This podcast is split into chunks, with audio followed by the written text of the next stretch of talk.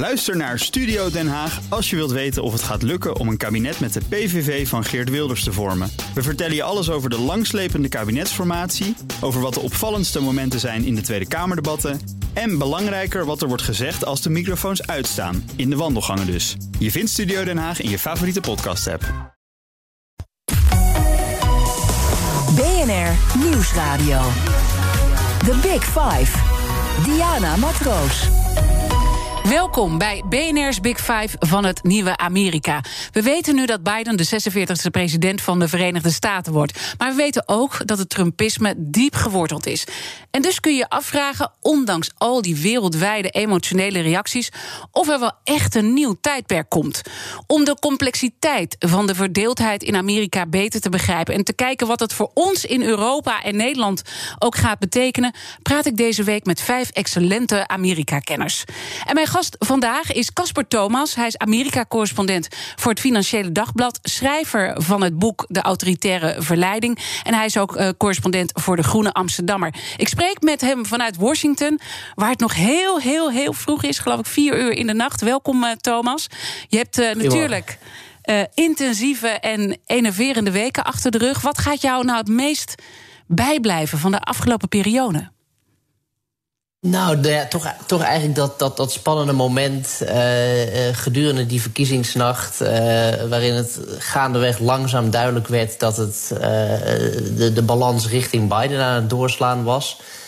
En dat Trump op dat moment het podium nam in het Witte Huis en zei: Ik heb de verkiezingen gewonnen. Uh, wat op dat moment in volslagen tegenspraak was met, uh, met, met, met, wat, met wat er aan het gebeuren was. Het was op dat moment gewoon nog spannend. Het was nog onduidelijk. Er waren staten die nog open stonden. Ja. Um, maar hier hadden we een president die, die de uitslag al wist voordat hij bekend was. En dat is dus heel erg iets wat jou uh, bijzonder uh, bijstaat. Uh, volgens mij ben je ook in Texas geweest. En was dat ook voor jou een heel bijzonder moment in de afgelopen periode?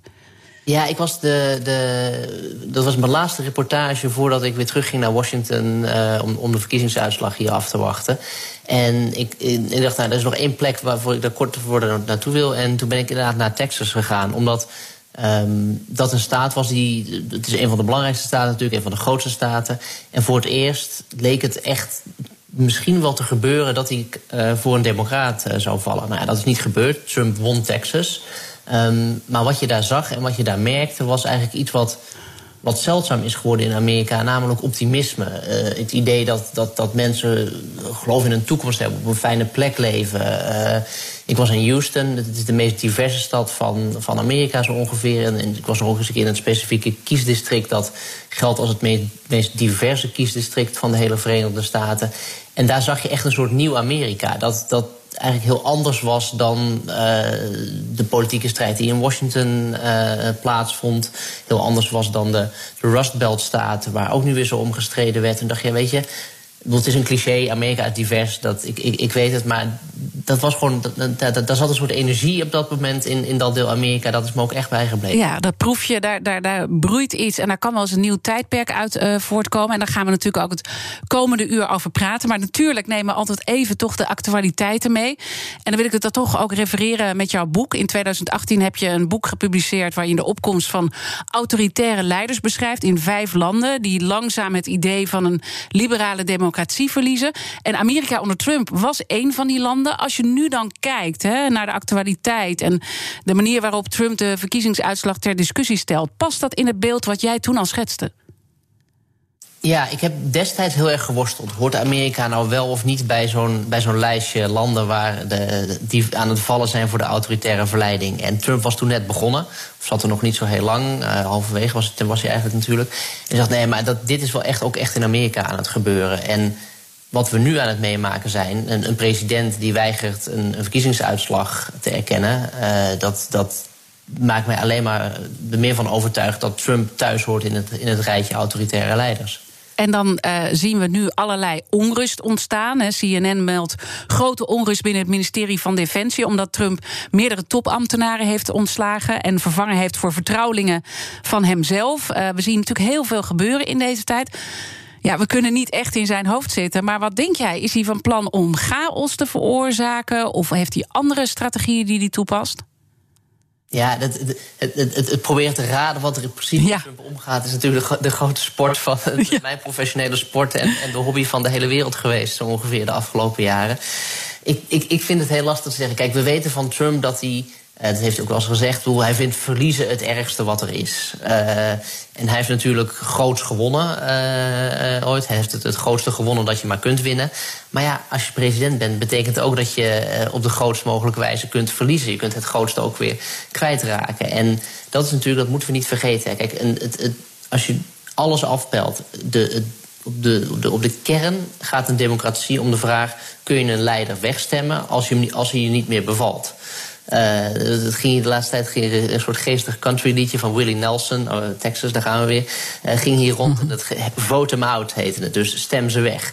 En daar zei, dat, bezong dat is de kern van de democratie. Dus zelfs de, de countryzanger weet het. Uh, maar Trump weet het niet. Die, dit, dit democratische kernprincipe respecteert hij niet. Um, en ik denk gewoon puur uit het feit dat hij gewoon absoluut niet wil verliezen. Maar ja, dat hoort er wel bij. Ja, en dan vraag ik me toch af: zit er niet toch niet iets. Uh, en, en, natuurlijk, het is allemaal speculeren en moeilijk om in zijn hoofd uh, te kijken. Maar zit er niet een, een, een diepere strategie uh, achter? Zou hij bijvoorbeeld een, een voordeel kunnen putten met het veroorzaken van chaos? Kan dit ook een bepaalde PR-strategie zijn? Ja, dat is, een, dat is een hele goede vraag. En ik, ik denk dat daar wel een, een iets zit. Uh, het, het, gaat natuurlijk ook wel zeer over de vraag wat gaat Trump doen straks? Uh, gaat hij in 2024 misschien nog wel een keer op? Gaat hij een nieuwszender beginnen?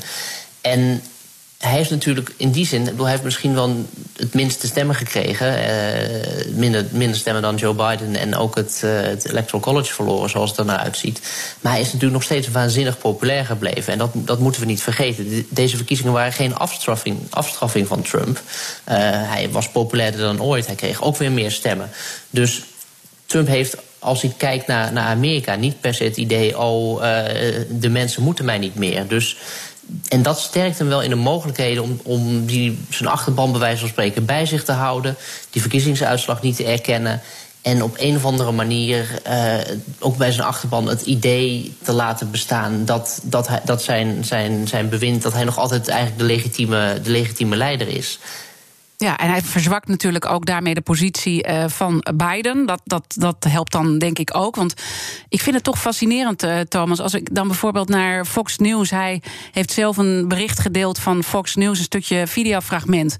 En daar zie je uh, toch wel heel erg dat Fox News hem nog steeds ontzettend steunt. Terwijl uh, hier ook uh, wordt gezegd van uh, de Republikeinen laten hem vallen en Fox News laten hem vallen, want die schakelen zelfs weg bij hem. Is dat nou een frame? Want als ik dan die Fox News zojuist zie, dan denk ik nou, ze steunen hem nog volledig. Ja, ik heb, ik heb tijdens de verkiezingsnacht, omdat ik dacht ik wissel een beetje zenders af, veel Fox News gekeken. en ook de laatste. Die zender speelt op dit moment een beetje een, een, een, dubbelrol. Het was altijd heel erg een, een pro-Trump-platform. Um, en er zitten nog steeds een aantal van die talkshow-hosts die echt uh, die volledig op Trumps lijn zitten, die ook meegaan in het in twijfel trekken van de verkiezingsuitslag.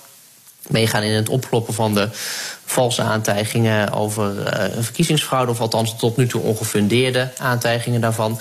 Maar tegelijkertijd nemen ze ook voorzichtig afstand van Trump. En dat, is, dat was wel eigenlijk vrij bijzonder. Uh, de, de verslaggeving in de verkiezingsnacht bijvoorbeeld was, was eigenlijk heel gebalanceerd en, en, en, en fair. En ik heb het idee dat. dat ja, dat ook bij Fox News toch wel het idee zit. Kijk, ik bedoel, uh, alle gekheid op een stokje, maar verkiezingen zijn verkiezingen en, en een uitslag is een uitslag.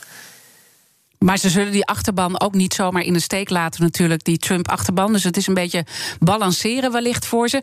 Heb jij dan een idee, die 20 januari, staat Trump dan gewoon toch daar om ook naar voren te lopen? Ja, nou, dat, is, dat is natuurlijk de ultieme vraag. Ik, ik, ik ben er pas gerust op dat deze verkiezingen goed zijn verlopen... op het moment dat er inderdaad op inauguratiedag uh, de president wordt geïnaugureerd... die door het Electoral College is aangewezen als, uh, als, als, als de winnaar. En dat lijkt op dit moment toch echt Joe Biden te zijn. Maar ja, in het ergste scenario zijn, lopen er op 20 januari twee uh, mannen op leeftijd naar het podium om geïnaugureerd te worden en zeggen: Ik ben het of ik ben het. Uh, dat, en, en wat er dan gebeurt, dat weet ik niet. Dan, dan is de crisis compleet. maar goed, tot die tijd, je zei het net ook al, kan, kan Trump nog een hoop. hij kan nog een hoop stennis schoppen. hij kan nog een hoop rotzooi veroorzaken. Hij is mensen aan het ontslaan. Hij kan het, de Biden-regering, die zich nu aan het voorbereiden is, heel erg moeilijk maken. Dus er gaat nog een hele woelige periode aankomen, denk ik eigenlijk. En is de democratie dan op dit moment wel veilig in Amerika... met, met al die woeligheid uh, die nu naar boven komt? Nou ja, in, in de ogen van heel veel mensen wel. Omdat, uh, kijk, we hadden misschien zelfs wel meer uh, roerigheid verwacht rondom de verkiezingen of bij de stemlokalen of wat dan ook. Dus eigenlijk zijn de verkiezingen zelf heel rustig verlopen. We hebben het altijd gehad over houden de instituties in Amerika. Nou ja, vaak niet. Maar nu bij deze ultieme test, namelijk de stembusgang, de democratie en het, en het kiezen. Um, heeft, heeft, heeft het, dat belangrijkste instituut heeft het gehouden. Um, maar, het is de, maar de druk is nog niet weg, uh, omdat Trump dus uh, zich nog niet neerlegt bij, bij de uitslag. En zolang dat gaande is, uh, is, is de democratie nog zeker niet op veilig terrein. Mijn gasten stellen ook haar vragen via de kettingvraag. En gisteren was Amerikanist Marca Valenta bij mij te gast. En haar vraag sluit ook een beetje aan waar we het nu over hebben. Zij zei: Hij lijkt soms wel een gek als je kijkt naar zijn Twitter-gedrag. En Tegelijkertijd heeft hij heel strategisch uh, kiezers getrokken in zijn campagne. En haar vraag aan jou daarbij is: als hij een afweging moet maken tussen, nou, Trump, de onbeheerste idioot in het Witte Huis, of Trump, de slimme politiek strateeg, weet je, welke zou hij naar voren trekken? Welke Trump is de echte Trump? Ja, Casper, welke Trump is de echte Trump? Ik moet hier een soort Trump fluisteren. Ja, precies. of, of, je dat wil, ja. Trump, Trumpoloog. Dus ja. Dat, nou ja, maar um, nou, kijk, um, Marca stelt een hele goede, goede vraag. Uh, en het antwoord dat is, is, een beetje allebei. En dat, maar dat, dat zit als volgt. Ik denk dat Trump inderdaad een hele goede stratege is. Als het gaat om, om, om verkiezingen winnen, om een achterban uh, smeden, om, om mensen toe te spreken. Hij is een, je kent de, de bekende rallies. Dus Um, maar waar Trump minder goed in is, als, als, als dat eenmaal succes heeft, uh, heeft opgeleverd, namelijk je wint verkiezingen en je bent president, dan moet je ook iets met die macht. En eigenlijk, als je Trump hebt bekeken de afgelopen vier jaar, je hebt eigenlijk altijd het gevoel gehad dat hij, uh, dat hij oppositie aan het voeren was. Ook al zat hij, zat hij zelf in het zadel. Als je naar zijn campagnespeeches aan het, aan het luisteren was, een campagneboodschappen uh, bekeek en je had niet opgelet, had je af en toe het idee dat die campagne aan het voeren was tegen president Joe Biden, die er al zat. Uh, Trump kan gewoon niet zo goed uit de voeten met die macht zelf. Hij heeft, heel, hij heeft ook helemaal niet zo heel veel gedaan met dat presidentschap als het gaat om beleid maken, bijvoorbeeld. Um, en het is, er is nooit een hele grote nieuwe organisaties opgetuigd. Uh, hij heeft heel veel posten opengelaten. Er zijn weliswaar veel rechters benoemd. Maar veel nou ja, hij heeft wel heel veel gedaan aan terugtrekking natuurlijk. En het hele uh, global verhaal. Daar gaan we het straks ook nog wel uh, over hebben. Maar daar heeft hij natuurlijk ja. wel echt stelling genomen. Nee, dat klopt. Maar dat, dat is dus het interessante. Dus, maar dat zijn de dingen die, je, zeg maar, die de president met een pennenstreek kan doen. Maar zeg maar, het, het wat saaie, harde handwerk van uh, een nieuw wetsvoorstel schrijven, daar steun voor zoeken, et cetera. Eigenlijk echt het, het, het, het taaie proces van politiek bedrijven. Uh, dat heeft hij altijd gewoon maar een beetje gelaten voor wat het was. En dus, maar dat komt denk ik dus omdat zijn, zijn kracht zit bij dat, bij dat politiek-strategische. Bij het, en dat is, dat is heel belangrijk voor een president. En het is noodzakelijk ja. om president te worden. Um, maar die, die, ja, de, de, de onbehepte president in het Witte Huis en de briljante stratege zijn, zitten allebei in hem uh, verenigd. Ja, en dat is soms moeilijk verenigd, maar. The Big Five. Diana Matroos. Fijn dat je luistert naar BNR's Big Five. Deze week praten we met vijf excellente Amerika-kenners over de toekomst van het land en onze verhouding met Amerika. Later deze week spreek ik onder andere nog met Nout Wellink en Ayaan Hirsi Ali. En vandaag is Casper Thomas bij mij te gast, Amerika-correspondent voor het Financieel Dagblad en de Groene Amsterdammer. En schrijver van het boek De Autoritaire Verleiding. Uh, je legt net uh, uit dat hij, uh, nou ja, met de macht zelf binnen dat presidentiële ambt, dat hij daar toch een beetje mee geworden eh, heeft. Is dat ook de reden dat hij de verkiezingen heeft gewonnen, denk je? Of zat het in hele andere dingen? Um, nou, kijk, het, maf is, we, we, zitten nog een beetje in de, in, de, in de autopsiefase van deze verkiezingen, om het zo maar te zeggen. Want, ze, ze, zijn nog springlevend, omdat we nog niet aan het eind zijn. Uh, we, we, weten nog niet zo goed wat nou precies de, de doorslaggevende factor is geweest dat, dat, dat Biden lijkt te hebben gewonnen en, en, en Trump te hebben verloren.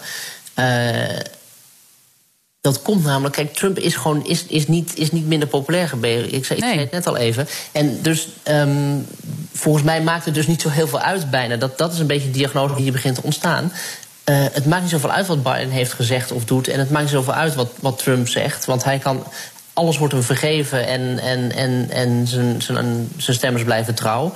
En dat, als spiegelbeeld ervan, dat betekent dan ook dat het eigenlijk dus niet zoveel uitmaakt waar Biden nou precies campagne mee voert. Die moet gewoon zijn eigen achterban op doen trommelen. Dus het is in die zin een heel rare verkiezingen geweest met, met twee presidenten die in die zin weinig uh, communicerende vaten waren. Want de ene stemmer zaten toch gewoon bij de ene en de ander bij de andere. En daar was bijna geen overloop tussen. Maar toch, als je kijkt naar, de, naar die Trump-kiezer, want dat vind ik wel heel fascinerend. En ik denk dat uh, daar ook soms, uh, nou ja, uh, misschien niet goed genoeg naar gekeken wordt hoe divers die ook is en hoe multicultureel die ook is. Er zijn meer Latin Americans en Asian Americans die waarschijnlijk op hem hebben gestemd. Ik begrijp dat de analyses allemaal nog wat verder uitgewerkt moeten worden. Maar hij heeft ook een multiculturele achterban.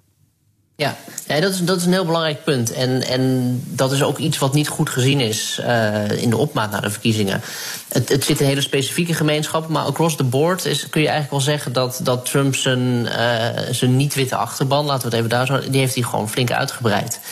Uh, en dan krijg je een heel grappige dynamiek. Uh, de, na de vorige verkiezingen ging iedereen naar, naar Pennsylvania om daar in de diner uh, met de staalarbeider te praten. Om te vragen: Goh, waarom heeft u toch op Trump gestemd?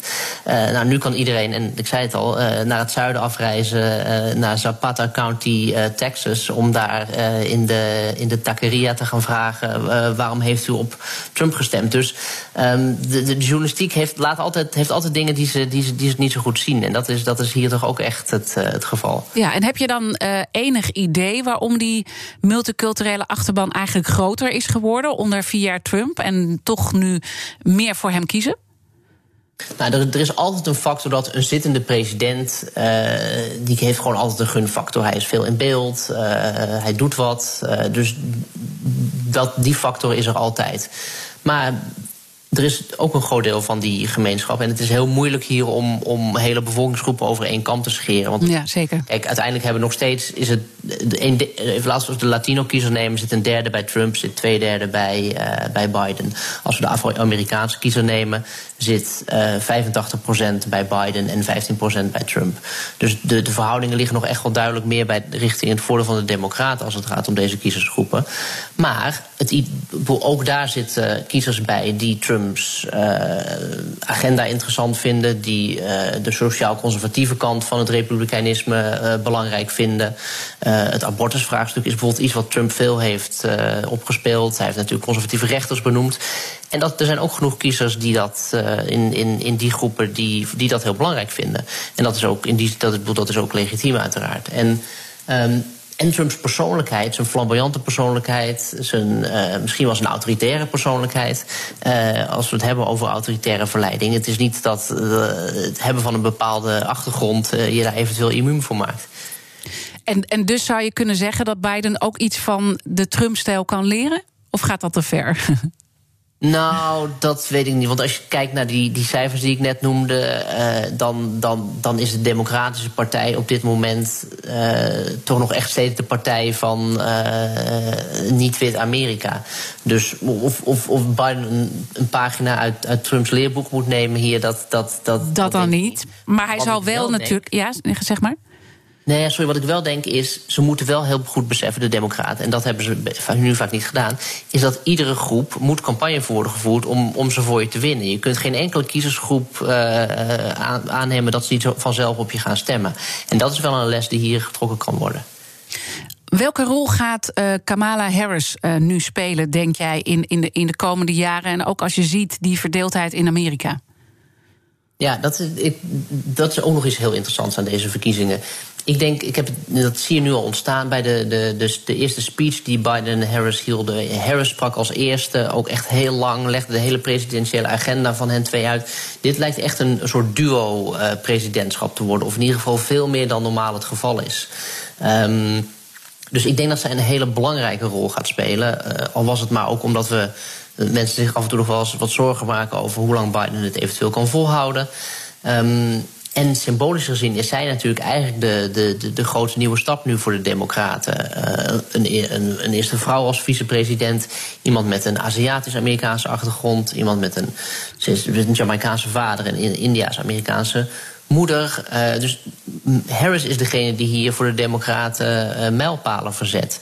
En, en klaargestoomd wordt voor de race van 2024, denk je? dat is bijna onvermijdelijk. Nou ja, kijk, tenzij ja, Biden heeft, heeft gezegd. Ik, ik weet niet of hij er 100% of het echt een belofte van heeft gemaakt. Dat zou ik nog eens moeten nazoeken. Maar Biden heeft in wel geopperd dat hij misschien inderdaad maar een, een one-term president uh, uit vrijwilligheid zal worden. En dan ligt het in de lijn der verwachtingen dat Harris uh, uh, voor op de ticket gaat. Ja. en, en, Fascinerend het verschil ook tussen jou en uh, Bernard Hammelburg, die ik maandag sprak. Want die zei van ja, het is allemaal wel mooi, maar het is meer voor de bühne wat we daar zien. Uiteindelijk heeft ze gewoon niet zo heel veel te vertellen. Nou ja, daar ben ik het dan toch in die zin een beetje mee oneens. Dat twee dingen. Kijk, het Amerikaanse presidentschap en ook het vicepresidentschap is. De, de symboliek daarvan is misschien wel een van de allerbelangrijkste functies. Dat was bij Trump, dat geldt voor Biden. En dat is, dat, dus dat, dat, dat is niet niks. Vanuit Europa kijken we daar altijd een beetje, weet je, vinden we dat oppervlakkig misschien. Maar die symboolwerking voor iemand zoals zij op die positie, wat dat betekent voor heel veel mensen in Amerika, dat is, dat is iets ongelooflijk substantieels. Dat is niet te onderschatten. Um, of ze een, een enorme beleidsagenda heeft, ja, dat, bedoel, dat, dat, dat, dat gaan we zien. Als, als, als Biden-Harris het duo de kans krijgt om dingen te doen. Uh, er liggen ambitieuze plannen, dus, dus, en daar, daar staat dan ook haar naam onder. Laten we straks met elkaar eh, verder praten of nou het verlies van Trump uiteindelijk wereldwijd een nieuw tijdperk uh, gaat inluiden. Tot zo. BNR Nieuwsradio. The Big Five. Diana Matroos. Welkom bij het tweede halfuur van BNR's Big Five. Fijn dat je weer luistert. Deze week praat ik met vijf excellente Amerika-kenners over de toekomst van het land en onze verhouding met Amerika. Morgen bespreek ik dat met Nout Welling vanuit het economische perspectief. Maar we kijken ook naar de relatie tussen China en Amerika. Je weet, hij is natuurlijk uh, verbonden aan een Chinese bank. En vrijdag heb ik Ayaan Hirsi Ali te gast vanuit Amerika. Mijn gast vandaag is Casper Thomas, Amerika-correspondent voor het Financiële Dagblad, de Groene Amsterdammer. En schrijver van het boek De Autoritaire Verleiding. Ook vanuit Amerika trouwens, vanuit Washington. En meteen maar even, Casper, uh, uh, kijken naar jouw boek De Autoritaire Verleiding. Daar constateer je een trend van de afbraak van de liberale democratie. Uh, even voor ons om te begrijpen, hoe is die trend volgens jou ontstaan? Nou, die, dat is eigenlijk iets, een soort, beweging die zich de afgelopen jaren over de wereld heeft verplaatst. Met steeds meer landen die. Uh, nog misschien wel iets van een, een, electoraal systeem hebben, maar waar de uitkomst uh, leiders zijn die vervolgens dat systeem gebruiken om hun eigen macht te bestendigen. Het begon in Rusland, Turkije doet mee, India is op een gegeven moment mee gaan doen. Uh, Hongarije is dat ons voorbeeld binnen de Europese Unie. Uh, en onder Trump uh, hoorde Amerika daar volgens mij dus ook bij. En wat hebben al deze leiders um, in jouw ogen met elkaar gemeen? Nou, en als ze één ding met elkaar gemeen hebben, is dat ze uh, manieren zoeken om, om niet, niet, niet weg te hoeven, uh, mocht de kiezer daar eventueel toe besluiten. Uh, dus ze, ze, ze vallen de democratie aan. en Trump, die nu zich niet lijkt neer te leggen bij een verkiezingsuitslag, is, is daar natuurlijk een heel goed voorbeeld van. Ja, dus het aan het wankelen brengen van de waarheid eigenlijk, dat, dat is ook wat ze gemeen hebben. Ja, zeker als je nou bedenkt dat in ik vind dat een hele goede vraag, omdat het ging de afgelopen jaren in Amerika natuurlijk het over fake news. En, en, en Trump die allerlei dingen uh, als niet waar voorstelde die misschien wel waar waren. Een aanval op de feitelijkheid, een aanval op de wetenschap. En in een democratie is er één ultieme waarheid. Dat is namelijk hoeveel stemmen hebben er op, uh, zijn, er, zijn er uitgebracht voor de ene kandidaat en hoeveel voor een andere. Dat is, het is meetbaar, het is keihard. Dat laat zich niet uh, wegpraten met het, met, met het woord fake. Um, maar dat is wel wat Trump dus nu aan het proberen is. Dat zien we dus ook uh, nu weer gebeuren. En ook het vijanddenken uh, komt daar heel erg naar voren. Overigens gebeurt dat ook vanuit de andere kant in Amerika. Ja, en dat is het, het, het, het, het, het lastige. Een, dat vijanddenken is een, is een wezenskenmerk van, van een, een niet-liberale democratie of van een, van een autoritaire samenleving. Omdat er altijd de, de leiderbestendigste macht door de, uh, door de angst en de, en, en, de vrees voor een, voor gevaarlijke vijand op, op te roepen. Um, maar als dat eenmaal geïnjecteerd is in een, in een, in een politieke cultuur, dan, dan gaat iedereen daarin mee. Als je kijkt voor de Democraten was het de afgelopen jaren uh, en, en, deze verkiezingen. Trump verslaan was het allerbelangrijkste. Ik denk dat, dat het, het niet willen dat, dat Trump weggaat, een van de belangrijkste motivaties is geweest voor de democratische kiezer deze keer. Dus het, het verziekt in die zin een beetje de, de democratie, omdat de inhoud volledig naar de achtergrond verdwijnt en het alleen nog maar gaat over zorgen dat de ander niet wint. En als je dan uh, ziet dat nu Trump waarschijnlijk het toneel dan gaat verlaten, denk je dan dat het populisme ook uh, wereldwijd meer op zijn retour is? Dat er een nieuw tijdperk aankomt? Of is dat echt niet realistisch als we ook zien welke lijn de Democraten nu hebben ingezet? Nou, kijk, ik, Joe Biden is op dit punt echt een groot contrast uh, met, met Donald Trump. Even een heel klein voorbeeldje. Hij heeft een, onder een tijdje geleden een essay geschreven, Biden in, in Foreign Affairs, een tijdschrift. Waarin hij heeft gezegd: In mijn eerste jaar ga ik een werelddemocratieconferentie organiseren. Waar we met leiders van democratie over de hele wereld gaan praten. Over hoe we kunnen terugvechten tegen die autoritaire verleiding. Hij gebruikte die term niet, maar, maar ik, ik vat het even zo samen. Mm -hmm. um, dat, dat, dat, dat, en, maar het allerbelangrijkste is, en of dat meteen een nieuw tijdperk is, dat weet ik niet. Maar Trump niet meer in het Witte Huis betekent dat alle uh, autocraten of alle uh, mensen die uh, autocratische ambities hebben in de wereld, in ieder geval zich niet meer aan Trump kunnen optrekken. En dat is iets, dat is iets heel belangrijks. Dat was zo'n um, eikpunt in de wereld voor, voor gelijkgezinden. Dat de, de president van Amerika, of all places, zich tot die, tot die rechtspopulistische stroming uh, had bekeerd. Nou ja, en dat, dat gaat wel verdwijnen. En dat, dat geeft eigenlijk een soort brede legitimatie om het ook zo dan te doen. Want Amerika kijken we toch allemaal een beetje tegenop. Niet iedereen trouwens, maar veel mensen wel.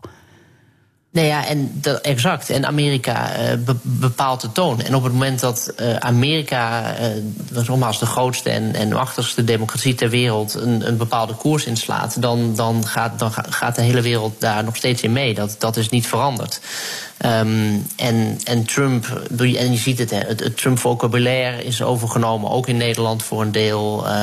De, de, de denkmodellen die, die Trump hanteert, de stijl die er wordt gehanteerd, ook het delegitimeren van het belang van een politieke oppositie, noem het maar op. Alle, alle, alle kenmerken van, van, van het Trumpisme zijn uh, de, de wereld overgegaan.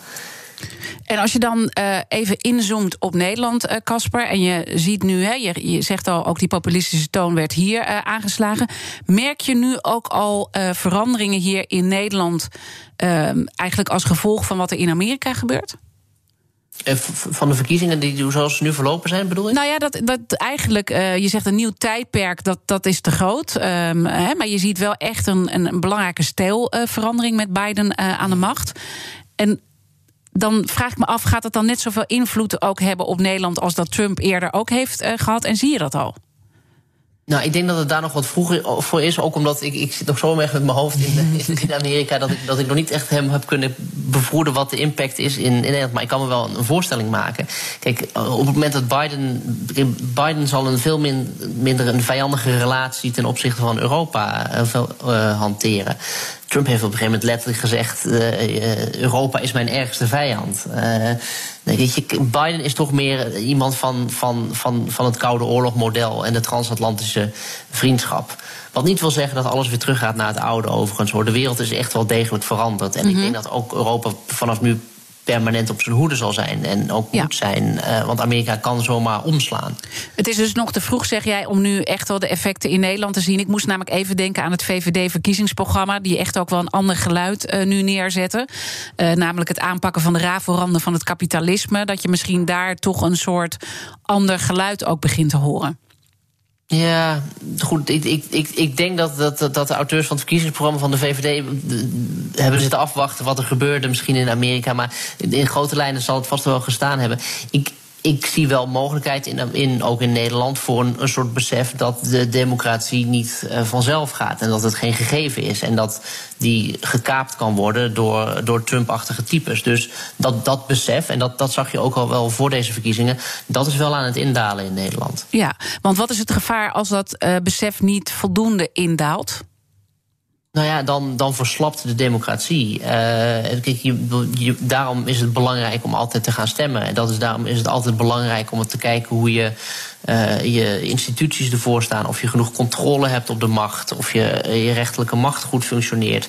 Uh, democratie heeft permanent onderhoud nodig. En Amerika is eigenlijk een soort voorbeeld geweest van wat, wat er gebeurt als dat onderhoud verslapt of, of, of er zijn zwakke plekken. Dan, dan, dan breekt er iemand als Trump daar doorheen.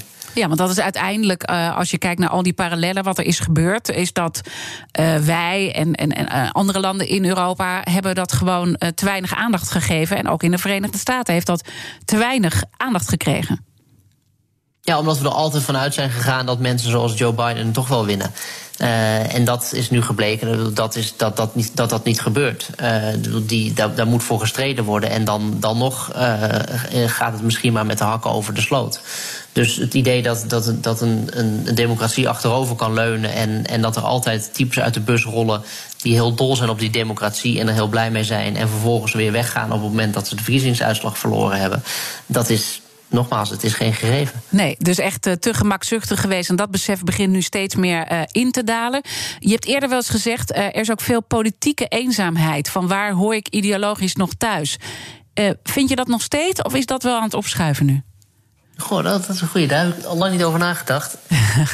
um, maar nou ja, ik denk dat heel veel mensen een politiek. In Amerika heb ik het dan even over. echt ook wel een politiek thuis in Trump uh, hebben gevonden. Uh, en dat, dat zie je ook dat, aan, zijn, aan zijn, zijn, zijn hele goede verkiezingsresultaat. Ook al is het net niet genoeg. Er zijn nog zo, dat hij nog zoveel stemmers heeft weten, weten te trekken deze keer. Laat zien dat mensen zich heel erg thuis voelen bij Trump. Um, en ik denk dat dat, als je dat even spiegelt, bij de Democraten toch wat, wat lastiger zit. Ik denk dat er veel Democraten zijn, zeker jongere kiezers weet je, nou, vooruit dan maar, Biden, oké, maar word ik er echt warm van? Dat, dat, dat, dat is een tweede vraag. Dus dat, aan dat politieke thuisgevoel is aan de andere kant van het spectrum zeker nog wel wat te doen uh, hier in de VS. Ja, want, want hoe uh, zou dat dan uh, kunnen gebeuren? Hoe, hoe zou hij dat kunnen verbinden? Nou ja, we hadden het in het, eerste half uur al even over, over Harris. Uh, die speelt daar wel een hele belangrijke rol in. Omdat die uh, toch laat zien dat de Democratische Partij uh, een, een, andere toekomst heeft dan, dan, dan, dan, dan zich spiegelen aan het verleden of doorgaan op de oude weg. Um, maar ja, de Democraten hebben veel meer last van het feit dat je, een hele progressieve vleugel en een wat gematigde vleugel in politiek opzicht met elkaar moet verenigen. De, de grote vraag is eigenlijk hoe hoe kunnen zij een soort thuis zijn voor, voor verschillende ideologische gezinten? Um, maar goed, in een, in, een, in een huishouden kunnen ook verschillende mensen samenleven. Dus er moet een soort, ook binnen een soort intern samenlevingsmodel worden gevonden tussen heel progressief en wat gematigder daar. Ja, interessant. Dat blijven we volgen. BNR Nieuwsradio. The Big Five. Diana Matroos. Je luistert naar BNR's Big Five van het nieuwe Amerika. Mijn gast vandaag is Casper Thomas, Amerika-correspondent voor het FD, eh, de Groene Amsterdammer en schrijver van het boek De Autoritaire Verleiding. Casper, uh, hebben wij in Nederland überhaupt iets aan Joe Biden?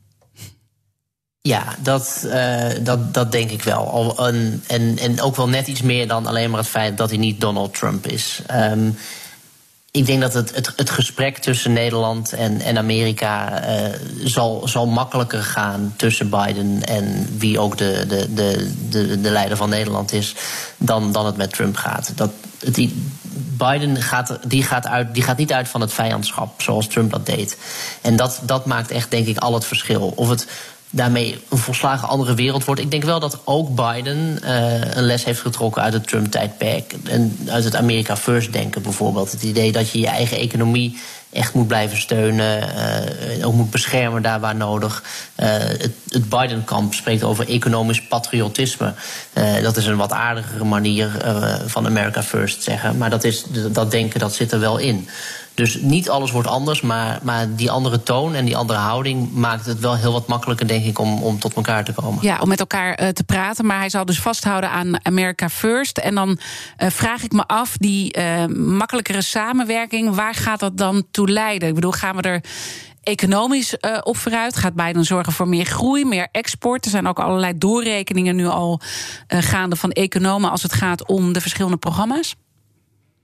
Ja, dat dat is een goede vraag. Dat, ik, dat, dat, dat is iets wat echt moet blijken, denk ik. Uh, een van de dingen waar ik daar zelf erg op ga letten, en ik denk dat dat iets interessants is om in de gaten te houden natuurlijk, en het is nog zeer belangrijk.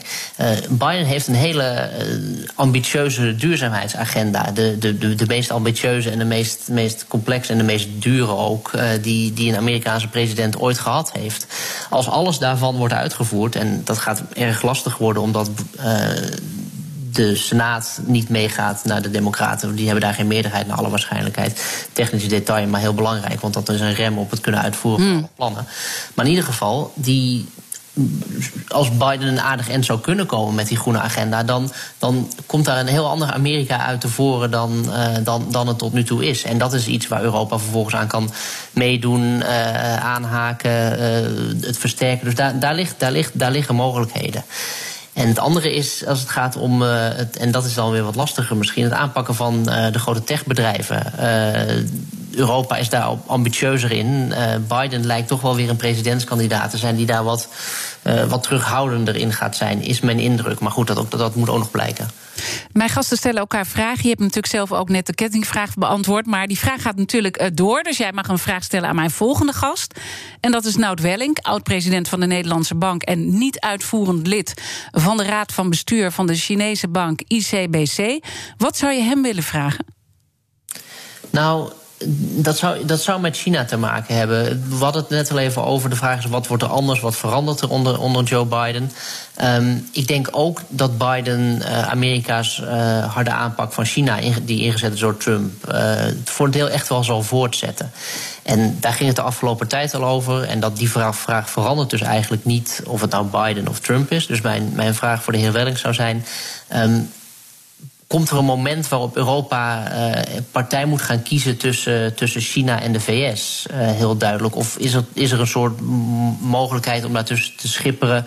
Uh, en, of van twee balletjes eten, misschien wat onaardig. Maar ja, is, staat Europa voor een fundamentele keuze op dat, op, dat, op dat punt? En is het presidentschap van Joe Biden iets dat die keuze eventueel wel of niet zal afdwingen? Wat denk je zelf? Nou ja, ik, ik, ik, ik denk dat, die, dat, het, dat het, de kans best groot is dat daar, dat, je, dat daar een harde keuze in gemaakt moet worden. Um, als Amerika doorgaat uh, met uh, de, de, harde opstelling richting China en, en de wereld steeds meer gaat naar een model waarin het, de VS versus China is, als dat de, de, de, de grote competitie tussen de grootmachten is, uh, dan lijkt het me lastig om, om je daar volledig bij afzijdig te houden als Europa. Dus ik, ik, ik denk Die keuze dat gaat wel uh, een keer uh, komen. Maar als je eigenlijk naar het totaal kijkt, hè, we hebben altijd heel erg geleund op Amerika. Ze hebben zoveel te doen in eigen huis. Um, ze zijn ook misschien wel helemaal niet meer zo geïnteresseerd in Europa. En meer in de Aziatische landen. Dus moeten we überhaupt nog wel iets van Amerika verwachten, ook onder Biden? Ja, nou, de, de, de, de transatlantische band die verdwijnt niet zo. Maar ik denk wel dat hij niet zozeer door, door, door, is Trump meer een uitdrukking van een veranderende tijd dan, dan dat hij dat zelf allemaal heeft veroorzaakt. Hij is wel wat slapper geworden, simpelweg omdat inderdaad, zoals je al zei, de, de, de interesse van Amerika in andere delen van de wereld uh, veel groter is geworden. Uh, wat heel interessant is, is dat Narendra Modi, de, de premier van India, overigens, die was er heel snel bij om Biden en Harris te feliciteren met hun overwinning. Hij is een van de, hij is volgens mij, ik moet even goed kijken, de enige leider in mijn, in mijn autoritaire verleidinglijstje. Uh, ja. Die, al die dat heeft gedaan. Ja. Exact. En dat is, en dat is, dat is heel belangrijk. Um, en, en het laat ook zien hoe, hoe, de, hoe de, de wereld zich heroriënteert en herschikt. Die India's-Amerikaanse band, ook als het gaat eventueel als een, een blokvormer tegen China, wordt heel erg belangrijk. Uh, dus het idee dat alles alleen maar heen en weer gaat tussen Europa en de VS en de rest van de wereld pas daarna, dat is wel definitief voorbij. Uh, als we nu uh, kijken wat er definitief voorbij is, ook in Amerika uh, zelf. ik weet dat jij heel erg gefascineerd bent, ook door die coronatijd en het, consumeren. Dat was natuurlijk, consumeren was de motor van de economie. En dat is natuurlijk even nu weggevallen door corona. Komt dat terug, denk je? Ja, ik zie dat, ik zie dat niet. Amerika hunkert naar de terugkeer daarvan net zoveel volgens mij als, als, als, als ieder, ieder kapitalistisch land op het moment. Ik, ik, ik zie Amerika nog niet snel een, een, een niet-consumptiegedreven economie uit de grond uh, uh, timmeren. En tegelijkertijd zie je wel ook echt de zwakte van het, van het consumptiemodel. op het moment dat iedereen niet meer massaal naar restaurants kan, om het even simpel te zeggen, stort de economie al in, stort de economie in elkaar. Um, dus dat is, nou, laten we het een uitdaging voor Joe Biden noemen. Uh, hoe, hoe, kun je je economische basis diversificeren? Ik denk dat dat zeker nog wel een vraag is voor de komende tijd. Denk je dat jouw werk als correspondent erg gaat veranderen? Want ik, ik, las een artikel waar je eigenlijk zei: Mijn werk onder Trump is echt wel veranderd. Mijn rol in de journalistiek, en dat, daar worstelde ik ook wel een beetje mee. Ja, omdat, omdat Trump natuurlijk ook uh, zelf de aanval op de media opende. En uh, dat is in dit gesprek ook wel duidelijk geworden. De, ik heb er geen geheim van gemaakt dat ik uh, Trump geen goede ontwikkeling vind voor een liberale democratie. Dus, maar tegelijkertijd moet je ook heel erg je best doen om, om het te begrijpen en, en je te verdiepen in de Trump-stemmer. Dus dat, dat, daar zat die worsteling in natuurlijk. Um, wat gaat er anders worden onder Biden? Uh, er gaat heel veel ruimte ontstaan voor een correspondent om eens een keer verhaal te maken die niet alleen maar gaan over de president. En dat is A prettig en B uh, ook, ook nodig, denk ik. Want er gebeurt ook een heleboel in Amerika dat niet per se alleen maar te maken heeft met een strijd om het Witte Huis. Maar Trump is zo'n uh, aandachtspons als het ware. Alles de afgelopen jaren trok uiteindelijk naar de vraag toe: wat zegt dat over Trump? Wat zegt dat over zijn eventuele kans op herverkiezing? Al dat soort dingen. Dus het was Trump voor en Trump na. En nou, ik zal er waarschijnlijk even aan moeten wennen uh, om, om, om die letters niet de hele tijd in te moeten toetsen op het toetsenbord. Ja. Uh, maar ik, ik verheug me wel op de ruimte die dat gaat bieden. Ja, want als je het hebt over die ruimte. Kijk, het gevaar is natuurlijk die worsteling die jij ook beschrijft. Dus dat sommige journalisten ook wel echt gingen tegenhangen en bijna partijdig werden. Als ik even kijk naar de journalisten van CNN, die daar helemaal emotioneel en gaan huilen op het moment dat Biden het wordt, dan denk je: dit is geen onafhankelijke journalistiek meer. Nee, en dat is, dat, dat, dat is in, in een klimaat waarin alles politiek partijdig wordt, uh, wordt, wordt ook de media daarin meegezogen. En het is heel moeilijk om daar afzijdig van te blijven. Um, ter verdediging van de, de, de partijdige pers in Amerika, om het even zo te zeggen. Ja.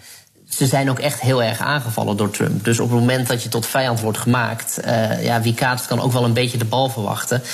En, en de pers is uiteindelijk natuurlijk altijd wel het idee, is de vriend van de democratie. Van het idee dat uh, uh, kiezers een, een leider aanwijzen en dat de leider ook weer weggaan op het moment dat de kiezers daartoe besluiten.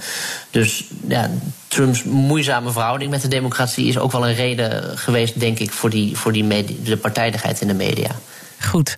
Ik wil je heel erg uh, bedanken, Casper Thomas, uh, voor dit gesprek. En natuurlijk, uh, zoals altijd, zijn al onze afleveringen van BNR's Big Five terug te luisteren.